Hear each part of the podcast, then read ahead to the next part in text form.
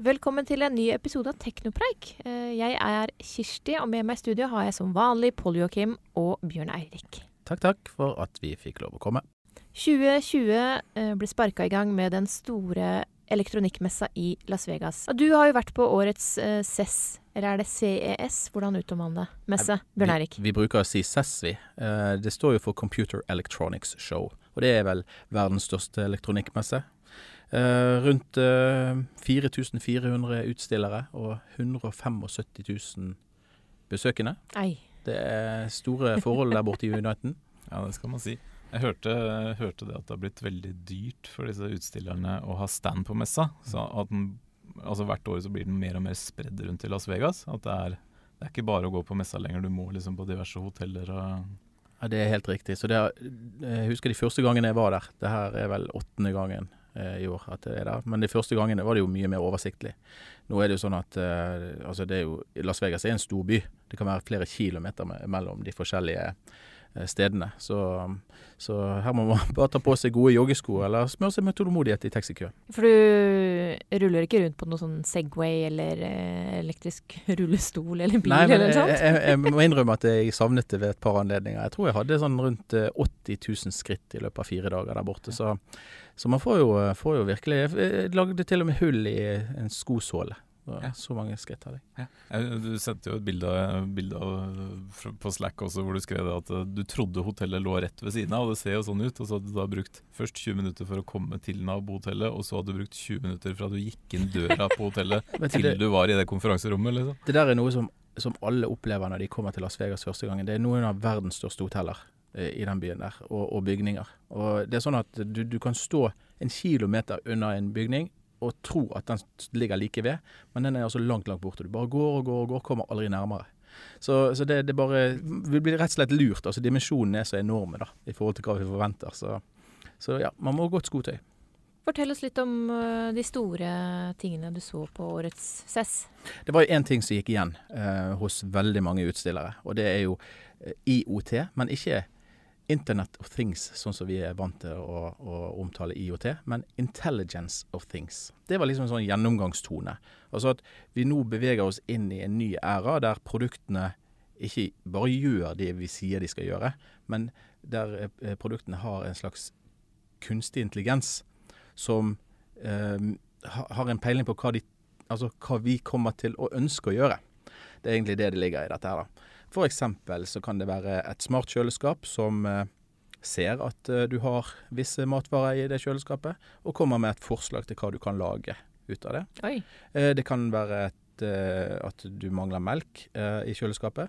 Og denne kunstige intelligensen vet jo at du bruker å ha melk i kjøleskapet, så da får du kanskje en påminnelse om at nå må du handle melk. Så eh, veldig mye av det vi fikk se, var jo fremtidsscenarioer. Eh, og, eh, men det er ingen tvil om at vi beveger oss i den retningen at produktene blir ikke bare smarte, men mye smartere enn de har vært. da. Og jeg har sett science fiction-filmer om det her, og det ender jo ikke bra. Nei. og så er det jo sånn du, at vi ofte tenker at oi, dette her kommer nå. Men så går det kanskje ti år før det blir vanlig. Så, så det, og det, sånn er det jo med disse messene her. Eh, Mye av det vi får se er jo ting som ligger langt fram i tid. da. Men det er også ting som, som kommer nå i år. På TV-fronten, hva skjer der? Cess bruker jo alltid ha mye om TV. Ja, nå er det jo 8K. Er- Alt eh, dreier seg om 8K nå.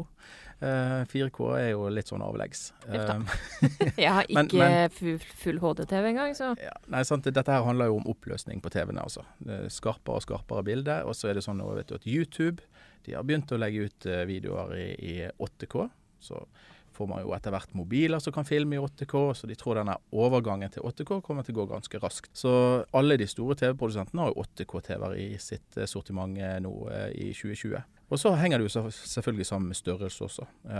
Folk vil ha større og større TV-er. 8K kommer gjerne ikke til sin rett før det er oppe i sånn 80-90 tommer. da. Og flere og flere velger jo TV-er i den størrelsesklassen, rett og slett fordi at det er blitt tilgjengelig. Sånn, prisnivået har kommet, kommet godt ned, da. Men, men vi så jo det, husker du vi på laben så hadde vi da en gang 355-tommere, hvor vi viste 4K på en av dem og full HD på en annen. Det var jo bare ren gjettelek Mm. hva som var hva. Jeg tenker, tenker liksom, Har de begynt å pushe det litt i overkant langt nå? Altså trenger, Du har jo også skrevet kommentaren til 'Hvem trenger 8K-TV?' Mm. liksom. Eh, Ja, og det, det er et godt poeng. Eh, og det er helt riktig det du sier. Altså, at når, du, når det er på 55 tommer og under det, så skal du ha et veldig skarpt syn for å klare å skille full HD fra 4K. Så, så det er ingen tvil om at eh, for å få fullt utbytte av, av, de ekstra pikslene, så må du godt godt opp i størrelse. Og Den største, største TV-en vi så der borte, den var jo 292 tommer. Og da kan det jo lønne seg å ha mange piksler, for å si det sånn. Hvor skal man ha den? Ja, var, Den heter The Wall. Det var Samsung som hadde den. Og den dekket jo en hel vegg. Ja. Uh, 292 tommer. det er ganske mange meter både i høyden og i bredden. Eh, det som var mest interessant med den TV-en, var ikke oppløsningen, men at det var en teknologi som ble brukt der som kalles for mikroledd. Og det er altså en, en, ny, altså en nyere teknologi da, som, som, mange spår skal bli gjeldende for, for TV-ene i fremtiden. da. Og eh, det, som, eh, det, som, er eh, spesielt gunstig med mikroledd, det er at eh, det er en modulbasert teknologi. Det gjør altså at man kan enkelt sette sammen store TV-er ut ifra moduler, omtrent som byggekloss-prinsipp. Sånn at produsentene da kan produsere kjempestore TV-er eh, mye enklere enn de kan i dag. For i dag liksom, det å lage et stort panel, det er en om, omfattende prosess som er Ja, det er mye, mye som kan gå galt da i en sånn sånn prosess. Eh, hvis du da kan bygge TV-en, kan du egentlig bygge den så stor du bare vil. Da blir den satt sammen av flere, eh, flere paneler, da? Ja, altså flere blokker, kan du si, da, mm. med, med piksler. Veldig fascinerende. Kjempedyrt i dag. Disse store TV-ene vi fikk se som var sånn 150 tommer og større, de, hvis de kommer i handel i det hele tatt, så vil de koste kanskje over en halv million kroner. Ah. Så, så, så, det er jo helt klart ting som ligger langt fram, da. Men det som er det store med dette, her da, er jo at lysstyrken er kjempegod. Får veldig, veldig skarpe lyse bilder. Og så er det jo sånn at disse pærene da, eh, som, som, utgjør disse panelene, de, de, skrus av når det skal være svart. Omtrent som med OLED. Sånn at uh, du får helt perfekt svart, og så får du en mye, mye sterkere lysstyrke enn det du kan få på, på OLED. Mm. Men hva med disse skjøtene mellom de modulene? Var det noe du kunne se? Eller? Nei, det, eh, forrige gang jeg var på CES, det er to år siden, da var det noen prototyper som var var vist fram, og der kunne du tydelig se den skjøten. Men nå er pikselen helt ute i kantene, så det er, det faktisk ikke mulig å oppdage skjøtene. Så ja, det, det var kanskje det mest spennende på TV-fronten, da. Eller så var det mye annet spennende der borte, da. Det var mye bil. Og, ja, elbil er jo blitt veldig stort, selvfølgelig. Ja, mye Altså, dette her er jo biler som ofte er fullspekket med elektronikk. Så de hører jo egentlig godt hjemme på en sånn elektronikkmesse. Uh, og det, var jo, det, det, som kanskje var mest spennende, da, var jo at vi så nye aktører på bilfronten. F.eks. Sony. Ja, Det var jo en overraskelse. Eh, for meg som ikke følger med på akkurat det, i hvert fall. Sony rullet en eh, elbil, konseptbiler, inn på scenen. Som var da fullstappet med Sony-teknologi, selvfølgelig. Uh, uh, og det gikk liksom en sånn gisp gjennom uh, forsamlingen, for bilen var jo veldig, veldig fin. Og den stjal jo egentlig oppmerksomheten fra alt det andre Sony viste fram.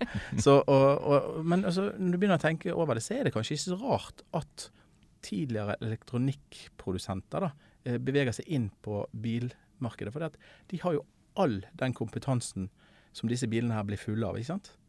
Og så er det sånn at andre produsenter de kan kanskje spesialisere seg på understell og hjulsystem og batteri og den type ting. Det så vi også eksempler på. Bosch de viste fram flere sånne eh, grunnmoduler da, til, til, biler. Så de ser for seg at ja, på et eller annet tidspunkt så kan de masseprodusere det, og så kan bilprodusentene bare kjøpe det ferdig. Og så kan de sette sammen sin en, egen bil oppå der med all den elektro elektronikken de skulle ønske. Og da trenger du ikke et Ford eller Hyundai eller Honda for å lage biler, så da kan, eh, da kan Sony gjøre det vel så godt. Ja, Det ryktes jo også, eller det har gått rykter lenge om at Apple kommer med en elbil, så det henger jo sammen, det her. Den skulle du hatt. Ja. Når kommer den? Altså, jeg er klar. Hva med PC-er? Eh, det er vel ikke helt dødt ennå, eller? Det er ikke det. er fortsatt et stort marked. Eh, det, har, det skjer jo veldig lite på PC-fronten. Men uh, denne gangen så var det noen produsenter som hadde noen spennende produkter som de viste fram. Blant annet hadde Dell og Lenovo såkalt foldbare PC-er. Du kan jo si alle PC-er, eller bærbare PC-er, er jo foldbare. men, men, det som var spesielt her, da, var det at det var bare én skjerm. Så altså tastatur, ja, tastaturdelen og, og, liksom eh, skjermen altså Alt var bare én stor skjerm. Så det er liksom touch, denne den her tastaturdelen. da. Og det som er greia her, da, er at du kan brette den ut, så får du et stort nettbrett av det. Det er jo en litt spennende tanke. Da har du plutselig en stor skjerm. Det er litt samme konseptet som disse foldbare mobilene som vi har sett sånn, med, med brettbar skjerm, bare det i større formater. Det kan kanskje være noe eh, å, å jobbe videre med, men, men utover det så var det ikke mye spennende på PC-fronten, altså. Men jeg kjenner, jeg kjenner en litt skepsis til de PC-ene. Altså for jeg må jo si at Noe av grunnen til at jeg setter meg med en PC, er jo at jeg skriver veldig mye raskere på den enn jeg gjør på en telefon. Og det gjør jeg jo fordi jeg kjenner taster. Jeg tror ikke jeg hadde klart å legge liksom åtte fingre på en skjerm og skrevet like fort. Det er jo noe med den følbarheten. ikke sant? Altså På en mobil så står du med to tomler eller Ja, jeg tror kanskje at jeg Vet ikke helt om jeg faller for den ideen sånn umiddelbart. altså. Men det ser utrolig kult ut på bilder, da.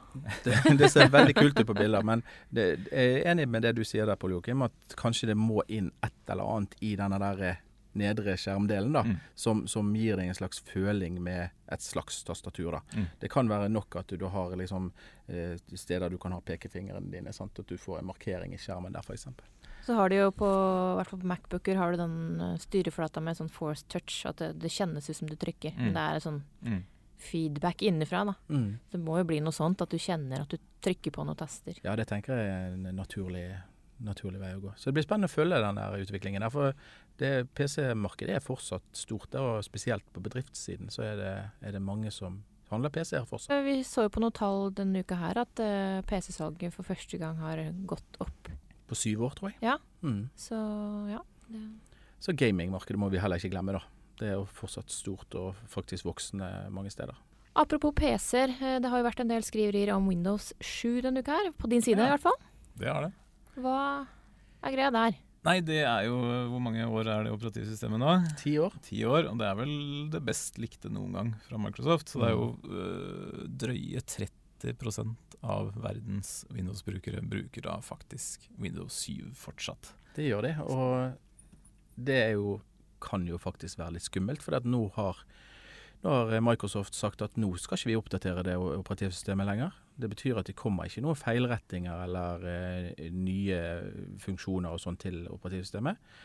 Eh, vi så jo det samme for noen år siden med, med Vista, og vi så det samme med XP. Eh, det vi så, var jo at mange velger å bruke, bruke de versjonene også i, videre. Men da er det selvfølgelig med en, en viss risiko, da. Men, men jeg tenker det har vel Altså det har jo lenge vært et gratis tilbud fra Microsoft om å oppgradere. Ja, og Det... Man tror hvorfor så mange velger å ikke gjøre det. liksom. ja, og det som er litt uh, morsomt her, det er det at uh, Microsoft gikk ut og sa det at uh, du må oppgradere til Windows 10 fra Windows 7 og Windows 8 eh, før utgangen av 2016, tror jeg det var. Mm. For da kunne du gjøre det gratis. Men så viser det seg altså da at denne gratis oppgraderingen, den eksisterer fortsatt. Så hvis man da installerer eh, Windows 10 på en maskin med Windows 7, og bruker det gamle, eh, den gamle nøkkelen din, så vil den også fungere på den i Mm. Windows 10. Ja. Så vi har jo faktisk en oppskrift på din side som Ja. ligger ute på hvordan man skal, skal gjøre det. Ja. Så det kan jo være et godt tips til alle. Altså man kan faktisk da oppgradere til Windows 10 gratis fortsatt, hvis man har, hvis man har en gyldig Windows 7 eller Windows 8-lisens. da. Men hvordan vil Windows 10 kjøre på en ti år gammel maskin, da? Eh, Hvis du hadde en eh, veldig kraftig maskin for ti år siden, så kan det godt hende det går helt fint. Eh, nå er det jo sånn at Windows 10 er ikke så veldig mye mer krevende enn Windows 7, så det, at, det er ikke sikkert opplevelsen din vil bli så veldig mye dårligere om du oppgraderer. Og så vil du selvfølgelig da få en mye tryggere plattform. Da. Windows 10 er også et veldig godt operativsystem, så Men jeg er enig i det Pål Joakim sier der, at Windows 7 var kanskje det, kanskje det beste de hadde laget noen gang. Så før uh, Microsoft gikk på en smell med Ja, den åtteren, Åtteren. fikk vel jo mye kritikk for å være så veldig sånn touch-basert. uten, uten startmeny. Ja, sant. De hadde da en uh, klokkertro på at uh, fremtiden var touchbasert. Uh, så viste det seg det at eh, de, implementeringen av touch på Windows eh, ikke var helt eh, god, da. det var i hvert fall ikke noe folk ville ha. Nei. Så Windows 8 ble jo en flopp. På Ja. samme måte som eh, Windows 7, nei, Windows eh, Vista også ble en flopp. Så det er sånn mellom, mellom Det er eh, annenhver gang. Ja, det virker så. Det er litt Ja. sånn annenhver gang. Mm. Mm. Hva er neste versjon av Windows? Nei, nå har jo Microsoft sagt at det er Windows 10 er den siste versjonen. Så de skal bare Ja. oppdatere. De kommer med oppdateringer hele tiden. Ja. Så, men ja, hvem vet. noe stor konkurrent er i hvert fall ikke lett å se, da, hvis du ser bort ifra Mac. Så, så er det ikke noen konkurrerende aktører. Det må jo være Google, da, med sin Chromebook som vi snakket om i forrige. Mm. Så i hvert fall i enkelte eh, nisjer så vil det, vil det være en konkurrent til Microsoft. Så alle sammen, oppdater maskinene deres om dere har Windows 7, ellers så kan dere bli hacka. Det kan i hvert fall være en økt risiko for at du blir det. Ja. ja. Det vil det jo. Vil jo øke mer og mer fremover. Ellers er vi jo inne i et nytt år, og det skjer jo litt spennende ting på teknofronten nå Ja. den kommende måneden. Februar er jo en stor måned for de som er interessert i mobil. Ja, det er det alltid. Da går jo for det første denne Mobile World Congress-messa i Barcelona går jo av stabelen eh, Ja, den tror den begynner søndag i uke åtte. Ja, 24. til 27. februar. Ja, på slutten av februar, ja. Mm. Eh, nå må jeg jo innrømme at det er ikke like spennende med de messene som det var før. For det er veldig mange av de store produsentene som på en måte har valgt å trekke sine lanseringer ut av den messa. Eh, du ser jo Samsung skal jo lansere sine nye S20-modeller to uker før. 11. februar. Ja, 11. februar kommer S20-modellene. Eller de, ja, de som mange trodde skulle hete S12 blir det vel, men eh, S11, S, Er det S11? Ja. ja, det er S11. ja, ja. er det ikke det? Det er lett å gå litt Ja, sur. Ja. eh. bra, bra de nullstiller med S20.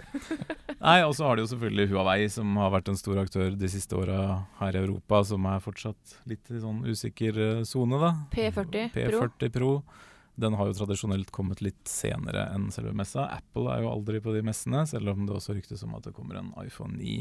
Er ikke det også i løpet av våren? Ja, jeg tipper etter uh, Mobile World i Ja. begynnelsen av mars, Ja. Jeg tror, eh, jeg tror Huawei kommer til å lansere noe spennende der. Eh, Ja. De ryktene som jeg har hørt, eh, tyder på det. Ja. Men eh, ja, vi skal aldri si aldri. Nei, vi Skal aldri si aldri. Nei, jeg vet jo, Og så er det jo de andre, Sony og LG og sånn, men de, er, de har på en måte blitt litt mindre aktører med åra, da. Og de er på messa, har fått de er invitasjon av Sony, ja, da, ja, da, så Sony da skal kommer det vel en ny telefon der. ja, det gjør det nok. Men at messa fortsatt er en stor happening, det, det er helt klart. Ja, ja. Men, men det, det, det er klart vi skulle ønsket at eh, både Samsung og Apple også lanserte nyhetene sine der. Da hadde det blitt, blitt enda mer aktuelt, tenker jeg. Ja. Hadde jo det. Ellers så har jo også OnePlus har jo begynt å tease den nye 120 Hz-skjermen sin, som de kommer med da i en kommende modell. Da. Jeg vet ikke om de velger Barcelona der, men eh, 120 Hz, dette har vi kanskje snakka om før, men hva betyr det?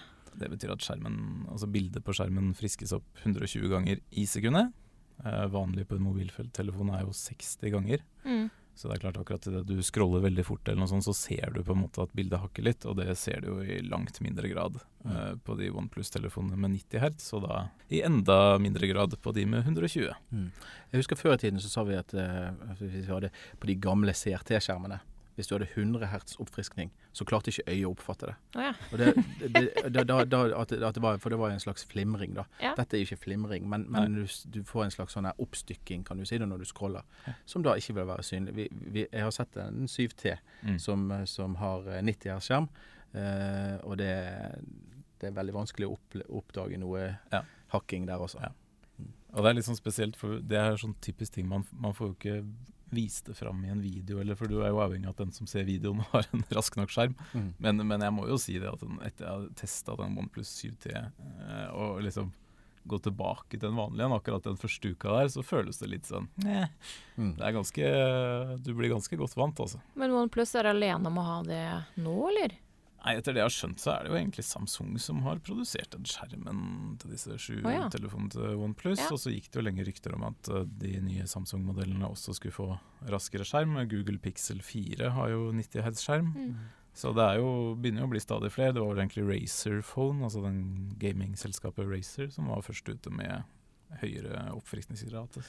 Men det er litt, det er litt gøy det du sier der om, om OnePlus, da, som er et, eh, en fersk aktør i dette markedet her, som da plutselig kommer og kanskje sier at sånn, der har vi liksom malen for det som kommer fram. Og det, Mm. For noen år siden hadde det vært helt uhørt at, et, at en relativt liten produsent skulle komme og så Mm. sette agendaen. Og interessant nok så er vel de kinesiske Ja, og det er mye av det som skjer på egentlig på nesten alle områder nå. Eh, på, innen teknologi så er det, er det kinesere som er i førersetet. Det, er- det er veldig interessant å se. Og mobilmarkedet det er jo flere, det er flere kinesiske aktører som, som er, øh, har levert mange gode mobiler de siste årene. Jeg må ikke glemme Huawei, som kanskje Nei, nei. har Xiaomi Xiaomi, sant, som Ja. er veldig bra i nedre pris- eh, prisskala. Mm. Så ja, nei, det, det blir spennende å se fortsettelsen der òg. Vi skal følge med. En annen ting, Har dere noen spørsmål noe dere lurer på, noe dere vil vi skal snakke om i podkasten, send oss en mail på teknopreig at dinside.no, Det går an. så snakkes vi. Sjalabais! Ha det godt. 1995. Here we come. En mann på 50 år i studio. Ja, da, da, da, du. Ja. Ja.